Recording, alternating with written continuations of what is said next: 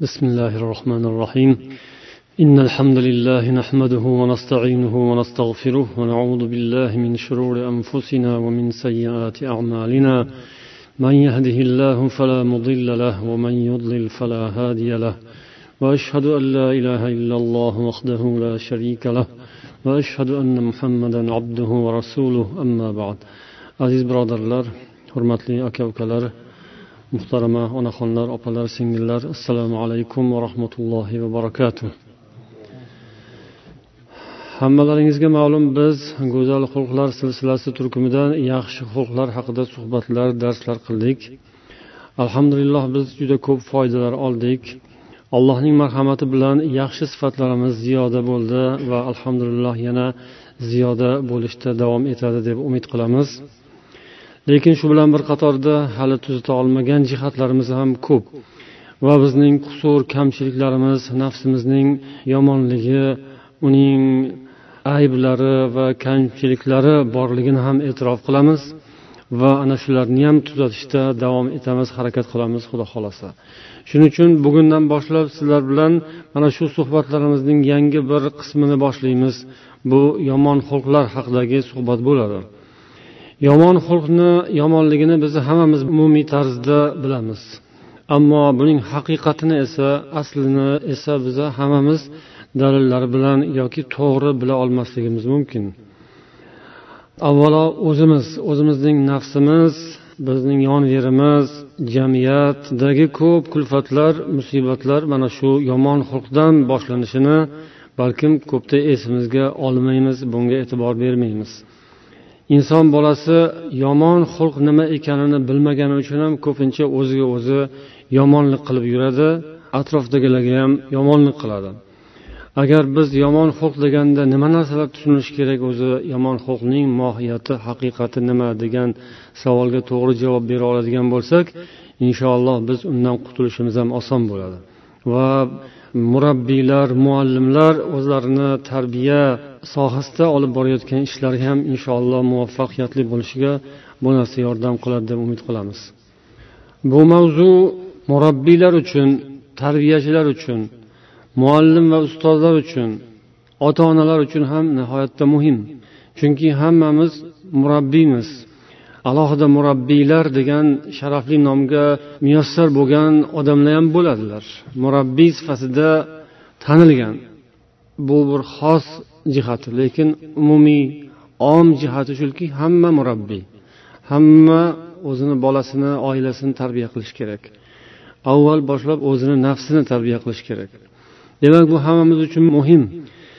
Yaxshilik muallimlari bo'lgan ilm ahllari rasululloh sollallohu alayhi vasallamning o'rinbosarlari bo'lgan ulamolar uchun yoki imomlar uchun ham bu mavzu judayam yaqin tanish bo'lishi kerak. Endi ulardan keyin davom etadigan boshqa soha odamlari ham bu mavzudan uzoqda bo'lmaydilar. Deylik boshqa ilm ahllari yoki adabiyotchilar yozuvchi shoirlar yoki jurnalistlar qolaversa rahbarlar siyosatchilar bular uchun ham muhim deb o'ylaymiz shuning uchun bu mavzuga chuqurroq jiddiyroq e'tibor berishimiz zarur shunday qilib biz yomon xulq haqida so'z boshlayapmiz avvalo odatimizga ko'ra har bir kalimani lug'aviy va islohiy jihatni ko'rib o'tamiz asl lug'atda qanday ma'no beradi va u istilohda qanday ifoda etiladi موسوعة نظرة النعيم في مكارم أخلاق الرسول الكريم صلى الله عليه وسلم mana shu mavzuada yomon xulqqa bag'ishlangan bobda keladi. Suul xulq arab tilida suul xulq deb aytiladi. Yomon xulq degani. Demak ikkita kalimadan iborat. Su va xulq. Suv degani arab tilida yomon degani suun. Shuning uchun bu avvalo kalimalarni tarkiblarini tahlil qilib mana suun kalimasiga ta'rif berishgan suu ismun min saahu savan saa yasuu fe'lidan olingan saa degani naqidu sarra ya'ni sarraning teskarisi sarra degani xursand qildi. Demak saa degani xafa qildi degan ma'noni bildirar ekan. Suv birovni xafa qilish. Yana boshqa ma'nolari ham bor ekan. Jumladan xunuk degan ma'nosi bor ekan. Inson asva desa bir xunuk odam degan ma'noni bildirar ekan. Yana ma'nolardan asaa agar shu kalimaga asoslangan bu fe'li asaa naqidu ahsana yaxshilik qildi degan so'zning teskarisi asaa degani demak yomonlik qildi. Yana savat degan kalimaning ma'nosi shu o'zagi bir mana shu suvdan kelyapti avrat degani va fahsh fohisha degani. Bu ham shu suvga bog'liq ekan ya'ni yomon narsa degan ma'no.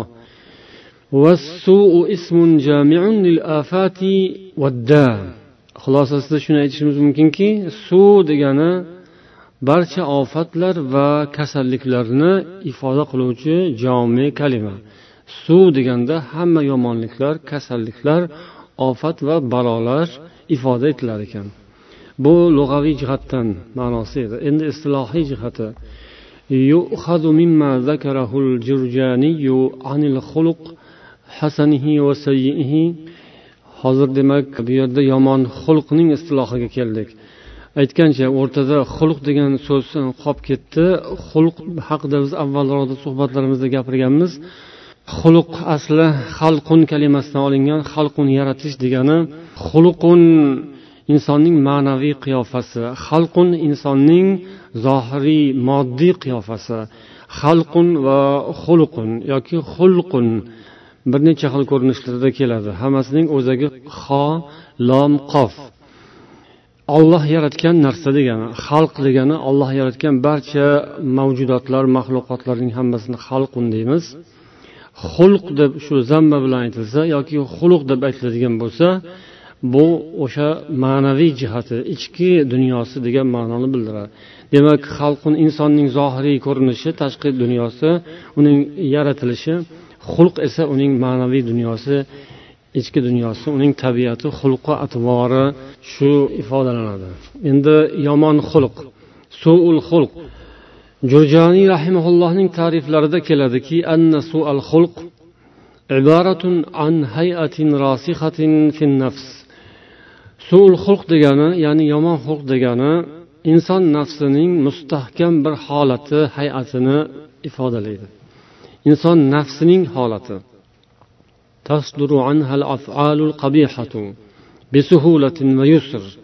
Mana shundan yomon fe'llar osonlik bilan yengillik bilan zohir bo'ladi. Ya'ni bir nafsoniy holat suul xulq degani yomon xulq degani inson nafsining bir holati. Inson nafsi haqida rosa ko'p gaplashdik. Inson nafsi deganda tasavvurlagan keladigan darajada bo'ldi xudo xohlasa. Agar haliyam kimlardir tushuna olmagan bo'lsanglar yoki bu suhbatlarda qatnashmagan bo'lsanglar inson nafsi haqidagi suhbatlarni eshitib olasizlar inshaalloh. Inson nafsidagi bir holat suul xulq. U shunday holat yoki quvvat desak ham bo'ladi shunday holatki yomon amallar xunuk ishlar al afalul qabiha. O'shandan sodir bo'ladi o'shandan paydo bo'ladi. O'sha uning manbai. Yomon amallarning yomon fe'l xunuk ishlarning manbai sanaladigan holat. Va yengillik bilan osonlik bilan sodir bo'ladi o'sha yomon ishlar. Min g'ayri hajatin ila fikrin va raviyatin. Mana buni qarang. Fikrga o'ylashga hojat qoldirmasdan. Ya'ni u shunday bir insonning holatiki undan hamma yomon amallar sodir bo'ladi va sodir bo'layotganda yengillik osonlik bilan sodir bo'ladi. Ikkinchisi uchinchi nuqta nima ekan? O'ylamasdan. Tafakkurga o'rin qoldirmaydi fikrlab o'tirmaydi aqlni ishlatmaydi ya'ni o'ylamasdan aqlni ishlatmasdan qiynalmasdan osonlik bilan yengillik bilan qilib yuboradi shu ishni. O'shani yomon xulq deyiladi. Bu qayerda bo'lar ekan? Nafsda bo'ladi. Insonda bo'ladi. Har bir odamni ichida bo'ladi. Nafs siz bilan biz. Endi yomon xulqning asli ildizi qayerda degan mavzuga kelamiz. Shu haqida yozishadi mualliflar. Muhammad abdulloh afifiy degan olim kishining risolalaridan iqtibos keltiriladi. U kishi ibn taymiya rahimaullohdan iqtibos qilgan. O'sha kishining asarlariga suyangan holda yozadilar. ويرى ابن تيمية في نظرته الخلقية أن مفهوم الأخلاق يرتبط بالإيمان ibn taymiya o'zlarining axloqning tushunchasi haqidagi so'zlarida aytadilarki axloq bu iymonga bog'liq narsa iymondan paydo bo'ladigan narsa iymondan zohir bo'ladi ya'ni yaxshi xulq haqida gapirilyapti ومن ثم يقوم هذا المفهوم عنده على عدة عناصر endi mana shundan kelib chiqqan holda yaxshi xulq bir necha unsurlarga asoslanadi. Ya'ni uni ichida bir qancha unsurlar bor. Unsurlari deganimiz o'shani tarkibiy qismi. O'sha narsani tarkib toptirgan mayda mayda juzlari. Demak xulq bir necha unsurlardan tashkil topadi. Shulardan birinchisi al iymonu billahi subhanahu va taolo xoliqan va roziqan biyadihil mulk. Alloh taolo yaratuvchi ekani va roziq ekani rizq beruvchi zot ekani va butun mulk podshohlik egalik uning qo'lida ekaniga iymon keltirish bu o'sha xulqning ichidagi tarkiblarni bir nuqtasi ikkinchisi ma'rifatullohi subhanahu va taolo ollohni tanish iymon keltirishdan keyin tanish alohida narsa معرفة تقوم على أنه وحده سبحانه المستحق للعبادة ibodat qilishga loyiq bo'lgan yolg'iz zot allohning o'zi deb iqror bo'lgunga qadar shu narsa uning qalbida mustahkam joy oladigan darajada tanish. Ya'ni shu narsani inson tushunish. Uchinchisi hubbullohi subhanahu va taolo allohni yaxshi ko'rish. Qanday yaxshi ko'rish? Hubban yastavli ala mashair inson insonning hamma hissiyotlarini his tuyg'ularini egallab oladigan darajada yaxshi ko'ra olish. بحيث لا يكون ثمة محبوب مراد سواه سبحانه endi shunday darajada yaxshi ko'rish kerakki allohdan boshqa biron bir murod maqsad bo'lishi kerak emas u insonda undan boshqa biron bir yaxshilik yaxshi ko'riladigan narsa bo'lishi kerak emas uning darajasida u insonning butun vujudini fikru xayolini zikrini va uning hissiyotlarini egallab oladigan darajada yaxshi ko'rish Endi buni aytaveramizku lekin buni qanday ekanligini shu narsaga musharraf bo'lgan odam tushunmasa biz siz hammamiz buni mukammal tushuna olmasak kerak. Lekin bu siz bilan bizning iymonimiz ilmimiz allohni qanchalik tanishimizga bog'liq allohni qancha ko'proq yaxshiroq taniganimiz sayin unga bo'lgan muhabbatimiz orta boradi. To'rtinchisi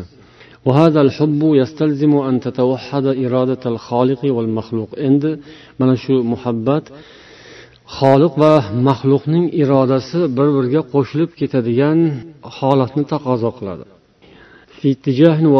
Bir yo'nalishga bir tomonga qarab xoliq va maxluqning maqsadi bir biriga qo'shilgan va bir tomonga qarab yo'nalgan bo'lishi kerak. O'sha muhabbatni natijasi shunga olib kelishi kerak. U nima? Qaysi tomon qaysi yo'nalish deyilsa nima maqsad deyilsa fi tahqiqi rizalloh alloh roziligini amalga oshirish.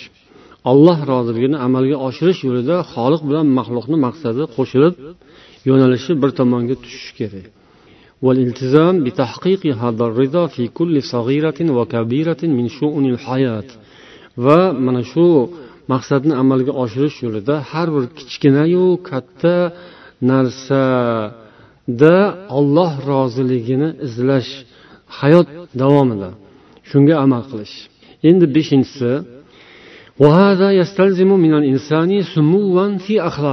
mana shu yuqorida aytilgan narsalar agar haqiqatdan o'zini o'rnida amalga oshib oshib kelayotgan bo'lsa bu narsa insonning xulqida oliyjanoblik taqozo qiladi o'sha insonning xulqida oliyjanoblik paydo bo'ladi sumu degani yuqori degani sumu degan so'zni arab tilida podsholarga yuqori martabali insonlarga ishlatiladi o'zbek tilida janobi oliylar degan iborani ishlatadi ba'zilar. Ya'ni inson xulqida oliyjanoblik vujudga keladi. Taraffuan anil ananiyati. Ananiya degani xudbinlik degani ana degani nima degani? Men degani.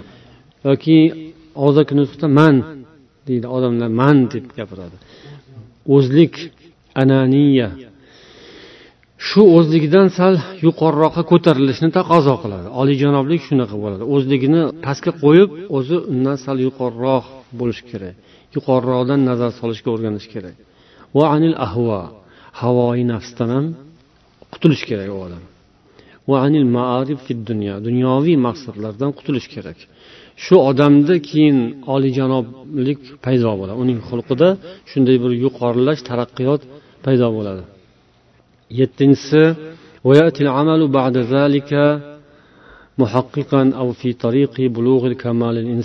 mana shundan keyin o'sha olloh roziligi degan maqsad bordiyu boshida. O'sha maqsadga yetish mumkin. Yoki bu narsa al kamalul insoniy deb aytiladi ya'ni insoniy kamolot komil inson. Komil inson shu olloh roziligi uchun yashayotgan harakat qilayotgan avvalo uni tushungan va shu tushunchasi bilan harakat qilayotgan va demak oxiridagi nuqtalardan oxirgisi uning xulqi bir oliyjanob xulqqa aylangan odam bo'ladi. Bu demak xulqning ildizi asli. Shunday ekan deydilar mana shunga asoslangan holda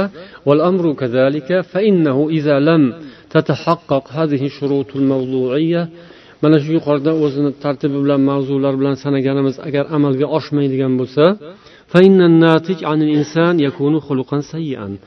bu odamdan keladigan natija xulosa yomon xulq bo'ladi qisqasi shu lo'ndasi shu yuqorida sanalgan narsalar bo'lmasa nima bo'lar ekan yomon xulq bo'lar ekan o'sha odamda yomon xulq paydo bo'ladi mana yomon xulqning ildizi qayerda لأنه تعبير عن الإيمان بالله وتعبير عن الرؤية الموضوعية للأشياء والحقائق Bu xulq deganimiz allohga iymonning tabiridir. Allohga bo'lgan iymonning ifodasi bu. Tabir degani ifoda qilish shuni ko'rsatish. Iymon ko'zi ko'rinmaydi uning ifodalari alomatlari ko'rinadi. Alomatlari shu xulqda ko'rinadi. Inson iymoni qanday ekani allohga bo'lgan. Uning maqsadi nima uchun hayot kechiryapti? Dunyoda uni maqsadi nima uni? O'sha xulqda ifoda bo'ladi xulq uni oynasi qalbini oynasi dilda maqsadida hayolida fikr zikrida nima borligini oynasi shu bo'ladi tilda esa har xil chiroyli gaplar chiqib turishi mumkin وعلى هذا يكون الخلق السيء فعلا إنسانيا ترتبط فيه الأفعال بت... لا ترتبط فيه الأفعال بالطاعة mana shunga asoslanib yana aytiladiki yomon xulq insoniy bir fe'l insonning fe'li atvori harakati insoniy bir harakat toatga bog'lanmagan harakat. Ya'ni toat ollohga bo'ysunish ollohga bo'ysunish degan niyati bo'lmagan unday maqsadga bog'lanmagan tarzdagi bir harakat yomon xulq deyiladi.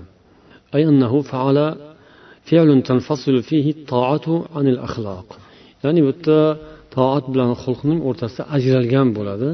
bir shakliy harakat bo'ladi ya'ni xulq u toat va ibodat degan ma'noda bo'lmaydi u odamda toat ibodat degan ma'no maqsadda bo'ladi yaxshi xulq bo'ladigan bo'lsa الأمر الذي يجعل العمل الذي يقوم به الإنسان فاقدا لقيمته الخلقية o'shanday odamning qilayotgan amallari ishlari axloqiy qiymatini yo'qotgan insoniy dalolatini yo'qotgan amallar bo'ladi Ya'ni xulqi yaxshi bo'lmagan odam yomon xulqli odamning ishlari axloqiy qiymati yo'q deyilar ekan yoki insoniy dalolati bo'lmagan amallar deyilar ekan.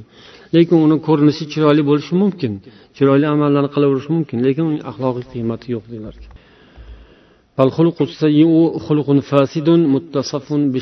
ya'ni yomon xulq yomonlik degan sifat bilan bog'liq bo'ladi.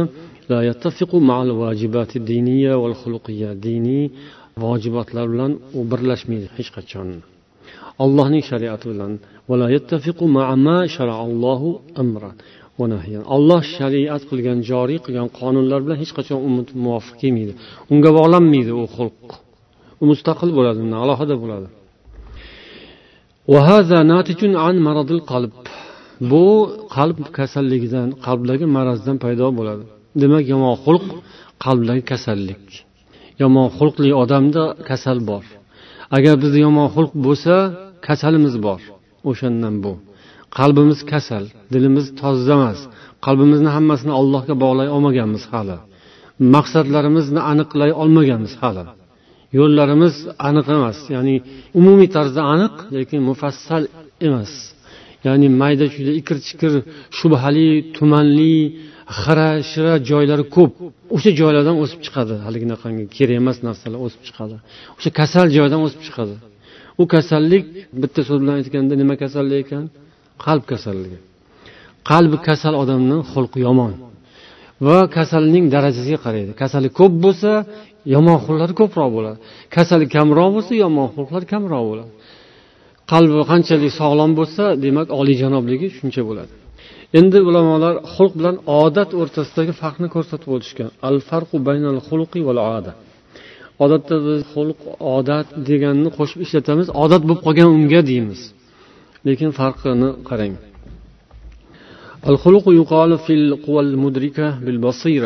Xulq deganda biz basirat ko'zi bilan idrok qilinadigan quvvatlarni tushunamiz. Basirat ko'zi bu insonning qalb ko'zi aqlning ko'zi.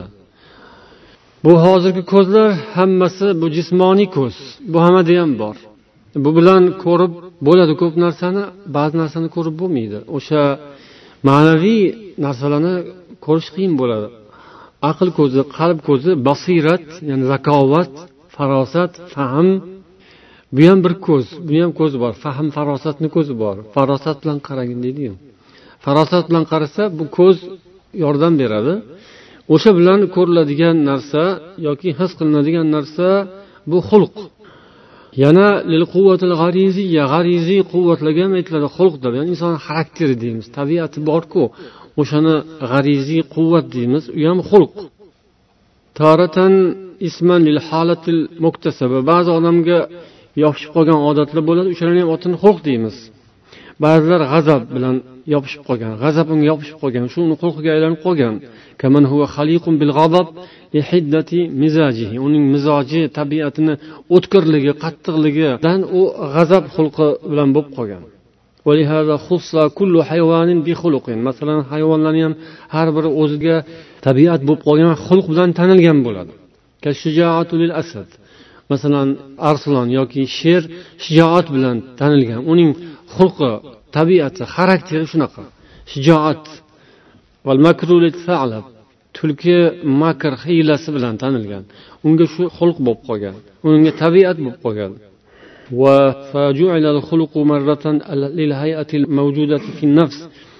Insonda yuqorida aytdik xulq degani insonning nafsidagi mavjud bir holat. Undan fe'l sodir bo'ladi bila fikr o'ylamasdan. Ibn miskavayni ta'riflarida kelgan bu. Endi odat esa buning farqi bilish uchun. Odat bir ishni takror takror takror qilishni odat deyiladi. O'zi odat degani ada yaudu fe'lidan olingan. Ada degani qaytish degani. Al id u ham shundan. Odat id bir biriga bog'liq o'zak. Ada yaudu qaytish ya'ni qayta qayta qayta bo'ladigan narsa. Qaytib kelaveradi qaytib aylanaveradi. Bunda charxpalakka o'xshab aylanaveradigan narsani odat shu. Qayta qayta qilinaveradigan ishni otini odat deyiladi. Id ham shu. Qayta qayta keladigan bayram. Odat doimiy takror takror qilinadi. Buni xulqqa nima bog'liqlik joyi bor desangiz biha yakmulul xuluq ekan. Ya'ni shu bilan xulq to'ladi mukammal bo'ladi. Ya'ni takror takror qilganda o'sha mukammal bo'ladi. Hadeb qilaversa qilaversa qilaversa mustahkamlanadi u. Pishib ketadi puxta bo'lib ketadi.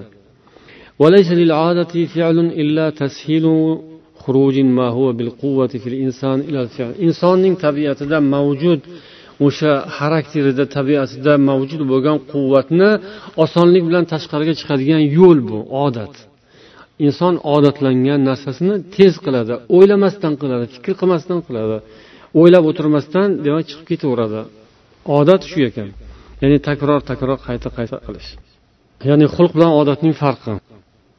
Demak bundan nima xulosa chiqadi bizga hozir? Biz faqat buni ilmiy ta'riflarni bilib o'tib ketaverishmi yoki bundan bir amaliy tarzda foyda olishmi?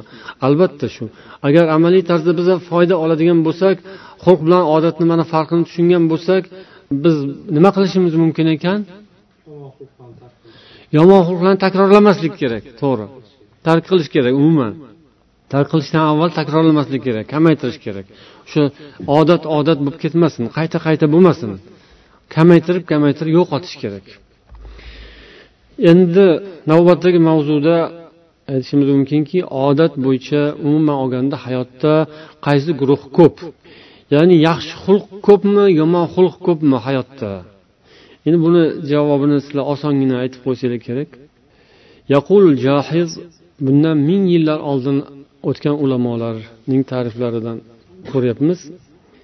bir yuz ellik to'qqizinchi hijriy sanada tavallud topib ikki yuz ellik beshinchi hijriy yilda vafot etgan al johiz nomi bilan mashhur bo'lgan mana shunday axloq ulamolaridan yoki lug'at ulamolari qatorida ham sanashadi.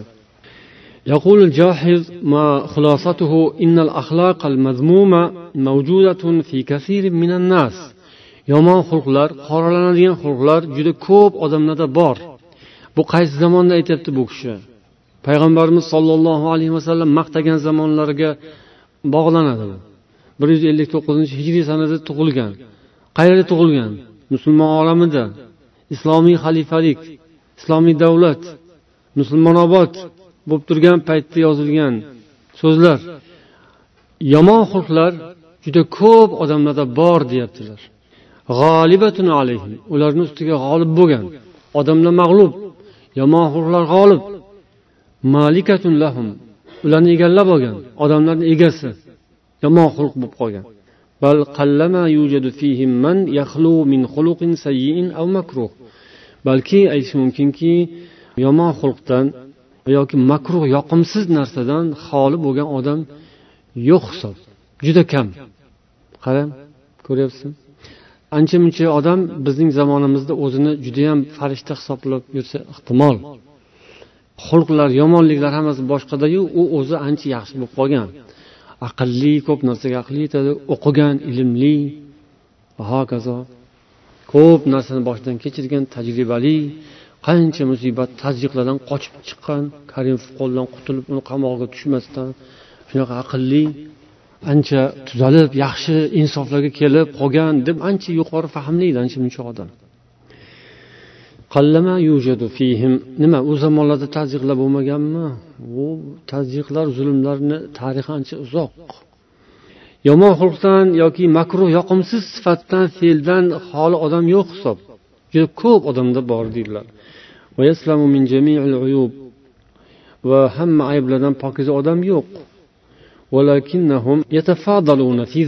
odamlar faqat farqlanadi xolos. Shu bor ya'ni yomon xulqda yoki yoqimsiz sifatlarda odamlar farq bor. Odamlarda birida kamroq birida ko'proq. shunga o'xshab yaxshi sifatlarda ham shunday. odamlar farqlanadi bir biridan past baland turishadi إلا أن المجبولين على الأخلاق الحسنة قليلون جدا lekin lekin shundaki yaxshi xulqda tug'ilganlar majbulun tabiatan yaxshi xulqli qilib yaratilgan odamlar majbul jibilliya xarakter tabiat tug'ma Tug'ma yaxshi xulq.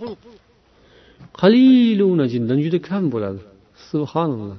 Biz hammamiz o'zimizni lekin o'shanga bog'lab yuramiz. Vallohu alam man yaxshi bo'lib tug'ilganman desak kerak. Hammamiz o'zimizni yaxshi tomonlarimizni ko'ramizda biz. Bunday qarasak faqat yaltir yaxshiroq tomonlarimiz bizni ko'zimizga ko'rinadi.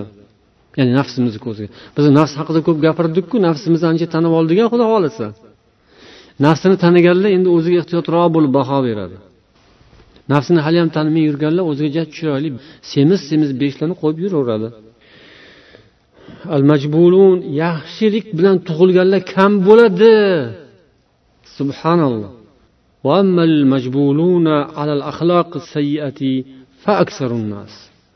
Yomon xulq bilan tug'iladiganlar ko'p bo'ladi. Ko'p odam shunaqa. Yomon xulqlar bilan birga.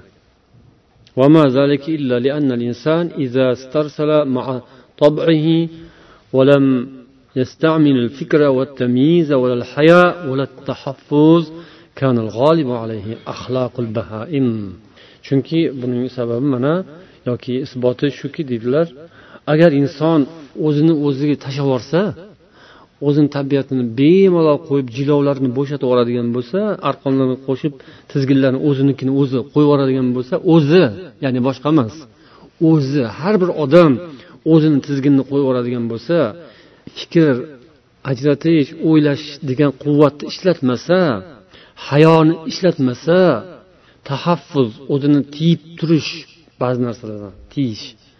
Uni ishlatmasa shuni ishga solmasa u quvvat hayo quvvat bu kuch inson ichida bo'ladi.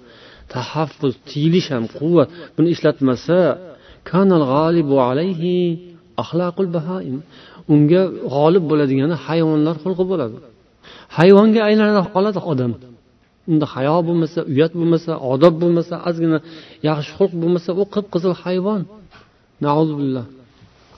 hayvonni xulqini unga aylanadi chunki inson hayvonlardan bahoimlardan fikr bilan va tamyiz bilan ajraladi. Tamyiz oq qorani yaxshi yomonni ajrata bilish aqlni ishlatish. Agar insonlar shu narsani ishlatmasalar hayvonlar odatida sherik bo'ladilar. وقع الافتقار إلى الشرائع والسنن والسياسات المحمودة ولما كان الناس مطبوعين على الأخلاق السيئة منقادين للشهوات الرديئة modomiki odamlar mana shunday xunu yomon xulqlar bilan qo'shib aralash qilib yaratilgan ekanlar va o'zlarining past shahvat ya'ni xohish istaklariga ko'ngillariga yoqadigan narsalarga moyil qilib yoki munqadin bo'ysunadigan qilib qo'yilgan ekan. Shuning uchun ham ular shariatlarga va dinlarga qonun qoidalarga muhtojlik mana shu yerdan paydo bo'ladi. Ular shunaqa qonun qoidaga tartib intizomga solinishi kerak odamlar. Odamzod uchun tartib intizom qonun qoidalar va siyosatul mahmuda va yaxshi siyosatlar kerak bo'ladi. Insonlar to'g'ri yo'lda bo'lishlari uchun yaxshilikda bo'lishlari uchun o'sha o'zlaridagi yomonlikni bunday chegaralab bir joyga solib bunday uni bir to'g'ri yo'lga bunday qilib solib turilmasa bo'lmaydi. O'shani solib turish uchun qonun qoida kerak tartib intizom kerak odob axloq qoidalari kerak va chiroyli siyosat kerak. Kimning so'zi bu? Al jahiz rahmat. Tahzibul axloq lil jahiz bu kishini tahzibul axloq degan kitoblari bo'lgan. Hal yumkinu tag'yirul xuluq ila xuluqin hasan. Yomon xulqni yaxshi xulqqa aylantirib bo'ladimi? Savol. Bo'ladi alhamdulillah. Lekin ba'zi odamlar bo'lmaydi deganlar ham bor ekan. Bunaqa odamlar biz ichimizda ham bo'ladi. E buni bo'lgani shu deb qo'yadi. E bu odam bo'lmaydi deb qo'yadi. E gapirgani foydasi yo'q deydi. E qo'y nariroq ket deydi. Bunaqa tushuncha bor odamlar o'rtasida. Bu qadimda ham bo'lgan ekan. Foydasi yo'q. Gapirganda olmaydi u. Demak bu narsa noto'g'ri. Bu yerda ham shuni keltirishgan. Ochiq oydin botil narsa bu. Ya'ni noto'g'ri narsa. Agar bu to'g'ri bo'lganda payg'ambarlar yuborilishi shariatlar joriy qilinishi qonun qoidalar joriy qilinishi nima uchun? Agar bo'lmaydigan bo'lsa bekorga harakat qilgan bo'ladiku unday emas. Bo'ladigan ish bo'lgani uchun olloh payg'ambarlarni yuborgan va islom shariat joriy qilgan va qonun qoidalar odob va axloq qoidalari shuning uchun joriy bo'lgan ya'ni bo'ladigan bo'lgani uchun. Demak uni tadbiq qilish kerak uni solish kerak uni tortish kerak mayli. Qo'lidanmi qulog'idanmi? Jo bo'lmasa oyoqdanmi chuqurga tushib halokatga tushib ag'anab tushib ketayotganda oyoqdan bo'lsa ham tortish kerak edi duch kelgan joyida qutqarib qolish kerak. Yaxshi so'z bilan avvalo. Ulamolar yoki ba'zilar bu mumkin deyishdi ya'ni odamni tuzatish mumkin. Chunki payg'ambar sollallohu alayhi vasallam allohimma ahsin xuluqi kama ahsanta xalqi deb duo qilganlar. Ey ollohim mani tashqi ko'rinishimni a'zoyi badanimni qanday qilib chiroyli yaratgan bo'lsang xulqimni ham xuddi shunday chiroyli qilgin deb so'raganlar va buni hammamiz ham so'rashimiz kerak yoki allohim mahdini li ahsanil axloq ولا يهدي لأحسنها إلا أنت اللهم اصرف عني سيء الأخلاق ولا يصرف عني سيئها إلا أنت ey ollohim meni eng yaxshi go'zal xulqlarga boshlagin hidoyat qilgin eng yaxshi xulqlarga faqat sen boshlaysan meni yomon xulqlardan qutqargin yomon xulqlarni mandan boshqa yoqqa nari qilgin ya'ni burib yuborgin yomon xulqlarni burib yuboradigan faqat sen o'zing deb duo qilganlar biz ham shunday duo qilishimiz kerak demak bundan ko'rinadiki yomon xulqlarni tuzatsa bo'ladi va tuzatish kerak قد أفلح من زكاها وقد خاب من دساها qaysi surada bu vashamsida Ya'ni alloh taolo nafsga qasam ichib aytgan ya'ni insonga olloh nafs ato qilgan shu nafs buriladigan egiladigan qayoqqa yo'naltirsa yo'naladigan narsa qilib bergan. Nafsini rosa ham yomon jihatlarini gaplashdik lekin orasida yaxshi jihatlardan biri shuki nafs egiluvchan nafs tarbiyani qabul qiladigan narsa ekan. Alhamdulillah. Nafsimiz shunaqa bir o'yinlari hiylalari makrlari bo'lish bilan birga gapga quloq soladigan ekan. Alhamdulillah qulog'i ham bor ekan. Ya'ni uni egsa egiladi. Kim uni poklasa poklanadi. Qad aflaha man zakkaha. Kimki nafsini poklasa najot topadi. Albatta u najot topdi deydi olloh kimki uni kir qilsa uni xor qilsa uni yo'ldan chiqarsa o'zi xor bo'ladi o'zi mag'lub bo'ladi o'zi halok bo'ladi ziyonga kirib ketadi. Agar nafs tuzalmaganda xulqlar tuzalmaganda maizalar nasihatlar yo'l yo'riqlarning foydasi bo'lmas edi demak unday emas. Yana aytadilarki muallif kim? Al jahiz rahimaulloh qanday kitoblar ekan nomi?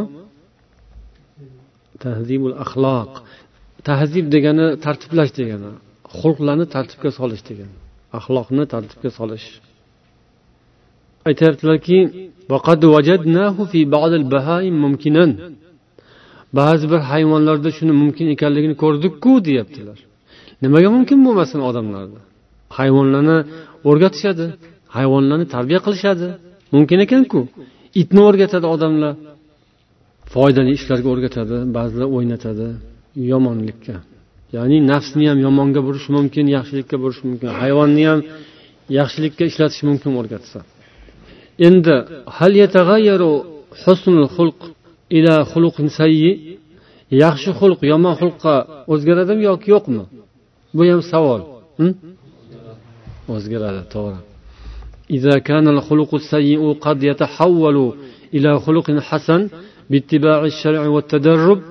mana shu shariatga rioya qilish mashq qilish harakat qilish natijasida yomon xulq yaxshi xulqqa aylanar ekan sabr bilan xuddi shunga o'xshab yaxshi xulq yomon xulqqa aylanishi ham mumkin billah imom movardiy yozadilar ربما تغير حسن الخلق والوطاء إلى الشراسة والبذاء لأسباب عارضة ba'zan yaxshi xulq ham yomonlikka yovuzlikka uyatsizlikka rasvolikka aylanishi mumkin. Billah. Kelgindi sabablar bilan. Ba'zi bir paydo bo'ladigan vaziyat sharoitlar yoki sabablar ostida ta'sirida yaxshi xulq yomonga aylanishi mumkin. O'sha asbob ya'ni mana shu yaxshi xo'rni yomonga aylantiradigan sabablardan yettita sababni sanaganlar. Birinchisi al vilayatullati tuhdisu fil axloqi taghayyuran va alal xulatai tanakkuran. Imma min lu'mi tab'in va imma min diqi sadr. Viloyat. Nima degani viloyat? O'zbekistonning bir viloyati yoki falon joyning bir viloyati. Viloyat nima degani? Hokimlik boshqaruv rahbarlik. Mana qarang. Mansab berib ko'r degan gap borku odamlarni og'zida mana o'shaning asosi. Bu kimning so'zi ekan? Al movardina rahmat. Bu inson xulqida o'zgarish paydo qiladi. Rahbarlik odamni o'zgartiradi. Va alal tanakkuran. Ya'ni u avvalda aralash quralash bo'lib birga bo'lib yurgan do'stlarini tanimay qoladi. Tanakkur. O'zini boshqacha tuta boshlaydida tanimaydigan odamga o'xshab qoladi. Voy o'rtoq tanimayapsan mana. U palon joyda o'tirgandik choyxonada o'tirardik va hokazo desa ham tanimaydi. O'zini bilmaganga soladi gapni aylantiradi. Boshqa yoqqa buradi. Xuddi tanimaganga o'xshab. Nimadan bu tabiatining pastkashligidan. Uning tabiatida o'zi pastkashlik bor edi. Laimlik lum. Sadr yoki uning ko'kragi tor yuragi tor odam edi o'zi. Ichi tor odam edi. Endi uni keng joyga olib chiqib qo'yganda shunday ko'rinadi uning torligi. U mansabga mindirib qo'yganda shunday ko'radi uni pastligi. Balanga olib chiqib qo'ysangiz uni pastligini ko'rasiz. Aslida past odam ekan bo'lganini. Ikkinchisi azl uning teskarisi azl ya'ni mansabdan judo qilish. O'shanda ham o'zgaradi odam. Xulq yomon holatga kelib qoladi. Bir narsadan ajralsa doim kelib turgan joyi kesilsa emib turganidan bolani ajratsa og'ir botadiku. O'shanga o'xshagan bo'ladi bu ham. Ichlari og'rib ketadi ko'kriklari yuragi siqilib ketadi o'sha narsadan ajralgandan keyin. Sabrning kamligidan bo'ladi bu yoki qattiq afsusga tushish bilan taassufni kuchayib ketishi xulqni buzadi. Ya'ni bir yaxshi narsadan ajraganda odamda afsuslik nadomat paydo bo'ladiyu. Ehe attanga voy afsus deydiyu. O'sha narsa chegaradan chiqib ketgandan keyin uni xulqini buzadi. Yomon odamga aylanib qolishi mumkin. Endi taassuf hammada ham bo'ladi afsus nadomat bo'ladi yaxshilikdan odam mahrum bo'lsa lekin chegarada bo'lishi kerak o'sha taassuf va sabr bo'lishi kerak. Uchinchisi minhal g'ina ya'ni boylik. Faqat bihi axloqul laimi batara. Pastkash odamlarni buzadi bu ham. O'zi tabiati past bo'lgan xarakteri xunuk bo'lgan kir bo'lgan odamlarga mol kelsa pul bitsa uning xulqi o'zgaradi. Batar bo'ladi. Batar degani rasvolik degani. Hamma yomon narsani qilib tashlaydi. Ya'ni kayfu safoga berilib maishatvoz bo'lib qoladi. Astag'firulloh. Uning yo'llari hammasi mana shunaqa ostin ustun yegani oldida yemagani ketida yeganiyu tashlaganiyu va hokazo shunaqa yomon holatga tushib ketadi. Pul shunaqalar odamni. Bosar tusarini bilmaydi haddan oshib ketadi. Arablarning maqoli. nala degani erishish bir narsaga erishish. istatola o'zini katta olish. Nechta bo'ldi? Uchta. To'rtinchisi al faqr uning teskarisi. Ya'ni hammasi teskari teskari bo'lib kelyaptiyu. Kambag'allik. Faqat bunda ham odamni xulqi o'zgarib ketadi. Ayniqsa boy bo'lib turganlar kambag'al bo'lib qolsa o'shanda uning tabiatiga bog'liq. Imma bu yerda ham o'sha boylik yo'qolganiga taassuf qilib xulqi yomon bo'lib qoladi. Yoki doim past kambag'allikda yashayverish ham uning tabiatini yomon qilib qo'yadi xarakterini buzib qo'yishi mumkin. Ya'ni o'sha iymoni zaif sabri kam odamlar. Bu zohir sabablar endi ta'sir qiladigan choralar. Qattiq g'am odamni aqlini ketkazib aqlini kamaytirib xulqini yomon qilib qo'yadi. Astag'firulloh alloh asrasin. G'am qayg'u kulfat musibat kelganda o'zini chiroyli tutib turish kerak bo'ladi. Lekin odam shuni uddasidan chiqolmasa xulqi yomonlashadi. Muomalasi yomonlashadi odamlarga. Aytilgan ekan ya'ni g'am zaharga o'xshaydi deb yana ba'zi adiblar aytishganki al huznu kaddail mahzun fi fuadil mahzun. Ya'ni huzn qayg'u bu g'amga qolgan odamning qalbiga tiqib qo'yilgan kasallik. Ya'ni shu iymoni va sabri kam bo'lgan odamlarda bo'ladi.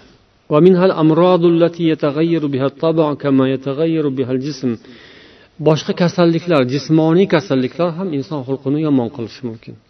Insondagi oddiy sodir bo'lgan kasallikda insonni jasadi zaiflashadiku. Xuddi shunga o'xshagan uning ruhi tabiati ham zaiflashadi. Shuning uchun kasallarga bir o'ziga yarasha muomala qilinadi deyiladi. Lekin bu ham farq qiladi ba'zi odam har qancha kasal bo'lsa ham kasalligini bildirmaslikka harakat qiladi. Ya'ni sabr qilib birovga og'irligim tushmasin deb o'zini bekitib kasalni shunaqa qilib yashaydiganlar ham bo'ladi. Farq. Lekin bu yerda shu sabab. Keksalik. Yoshi ulg'aygan sayin odamda shuning ta'sirida uning jasadi zaiflashganga o'xshab ruhi tabiati ham zaiflashi mumkin. Bu inson nafsining xulqiga ta'sir qilishi mumkin. Lekin bu ham yuqorida aytganimizdek kimdadir bunaqa kimdadir boshqacha. Ba'zi inson keksayganda xulqi chiroyli bo'lib qoladi. Yaxshi qaribdilar deydi ba'zilar. Ya'ni juda muloyim xushchaqchaq shirin til ya'ni iymonga qarab bo'ladida. Keyin yoshlikdan olgan tarbiyaga ham qarab bo'ladi. Shuning uchun sizlar bizdan uzoqda ekan deb xotirjam bo'lmasligingiz kerak. Hali qaraganda avvalo kim qariydi kim yo'q olloh biladi. Olloh hammaga ham keksalik nasib etsin. Lekin o'sha keksayganda yaxshilik bilan keksayishni ham xudo nasib etsin. Yaxshi bir shirin so'z hammaga yoqimli keksayishni olloh nasib etsin. Uning uchun nima qilish kerak? Hozirdan o'rganish kerak. Hozirdan mashq qilish kerak. hozirdan shu shirin gapni o'rganish kerak gapirish yaxshi muomala qilishni o'rganish kerak hozirdan boshlab birodarlar bilan do'stlar bilan bolalaringiz bilan oilangiz bilan qo'shningiz bilan janjallashib qolgan odam bilan teskari bo'lib qolgan odam bilan bir mashq qilib ko'ring o'shanda bilinadi sizni qaraganda qanaqa bo'lishingiz alloh hammamizga insof bersin فهذه سبعة أسباب أحدثت سوء خلق كان عاما mana shu yettita narsa ommaviy sabablar. Ya'ni ommatan ko'p joyda hammada deyarli uchraydigan yetti xil sabab dedilar. Huna sababun xosun yuhdisu su'a xulqin xos. Yuqoridagisi om sabab bo'lib yomon xulqni keltirib chiqaradigan bo'lsa bunisi xos sabab bor yana bitta.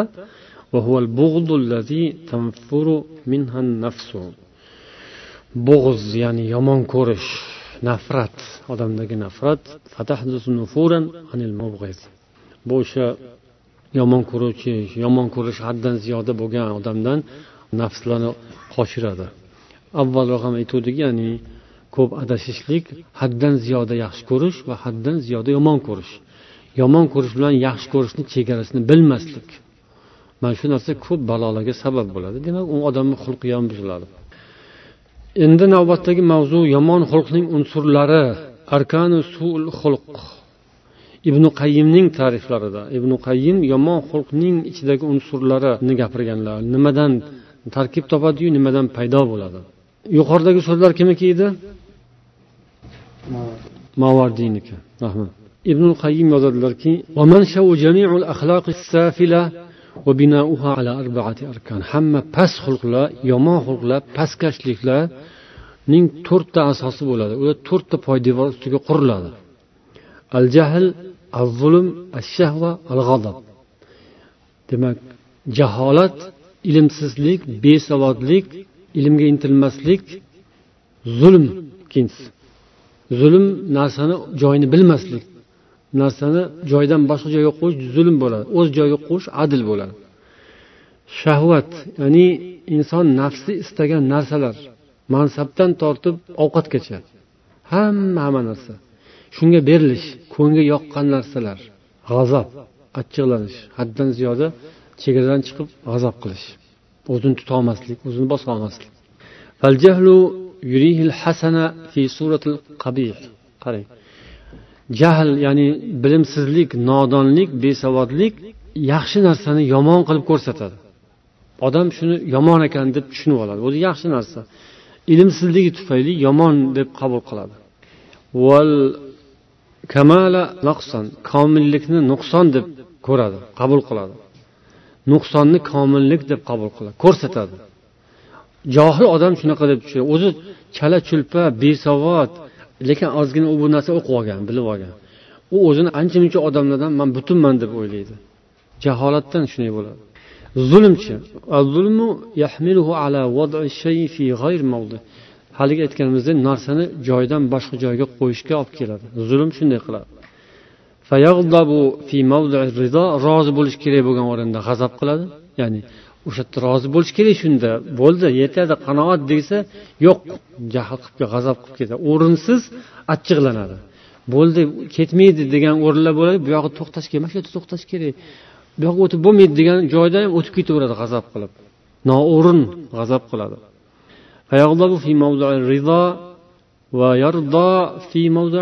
G'azab. Qilish kerak bo'lgan joyda muloyim bo'lib rahmat rahmatga o'tib oladi rozi bo'lib qoladi o'sha yerda o'zi g'azab qilish kerak bilmaydi shuni unda zulm bor shu odamda boshqa ishlarda ham zulm qilib yurgani uchun shunaqa zulm noo'rin ishlarni qiladi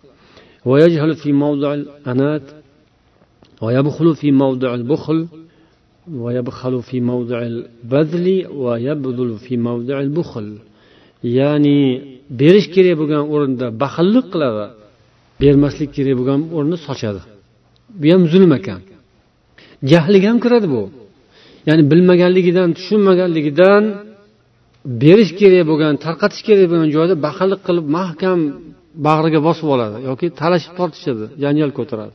Bermasa ham bo'ladigan o'zi ishlab bitib yaxshi yurib turgan joyda sochaveradi o'zini xotamtoy qilib ko'rinadi u hammaga. Bu ham zulm ham nima bu? Jahl bu. Yana va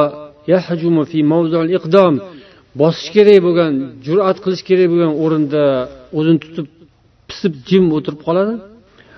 Jim turish kerak bo'lgan ozgina dugan paytda bahodir bo'lib botir bo'lib jur'at va jasoratni ko'rsataveradi. Baqir chaqir tupur bo'lib ketadi. Ya'ni zulm bu ham. Qattiq o'rinda yumshoq bo'lish yumshoq o'rinda qattiq bo'lish tavozi kerak o'rinda. O'zini sal tutib turish kerak bo'lgan paytda pastlab muloyimlashib xor bo'lib ketadi. Bilmaydi o'sha xorlik o'zini kamtar tutyapman deb o'ylaydi ba'zi odam. Lekin xor bo'ladi. Ba'zi o'rinda esa kamtar bo'lishi kerak bo'lganda mutakabbir bo'lib kekkayib turadi. Kamtarlikni xorlik deb o'ylaydi. Chalkashib ketadi.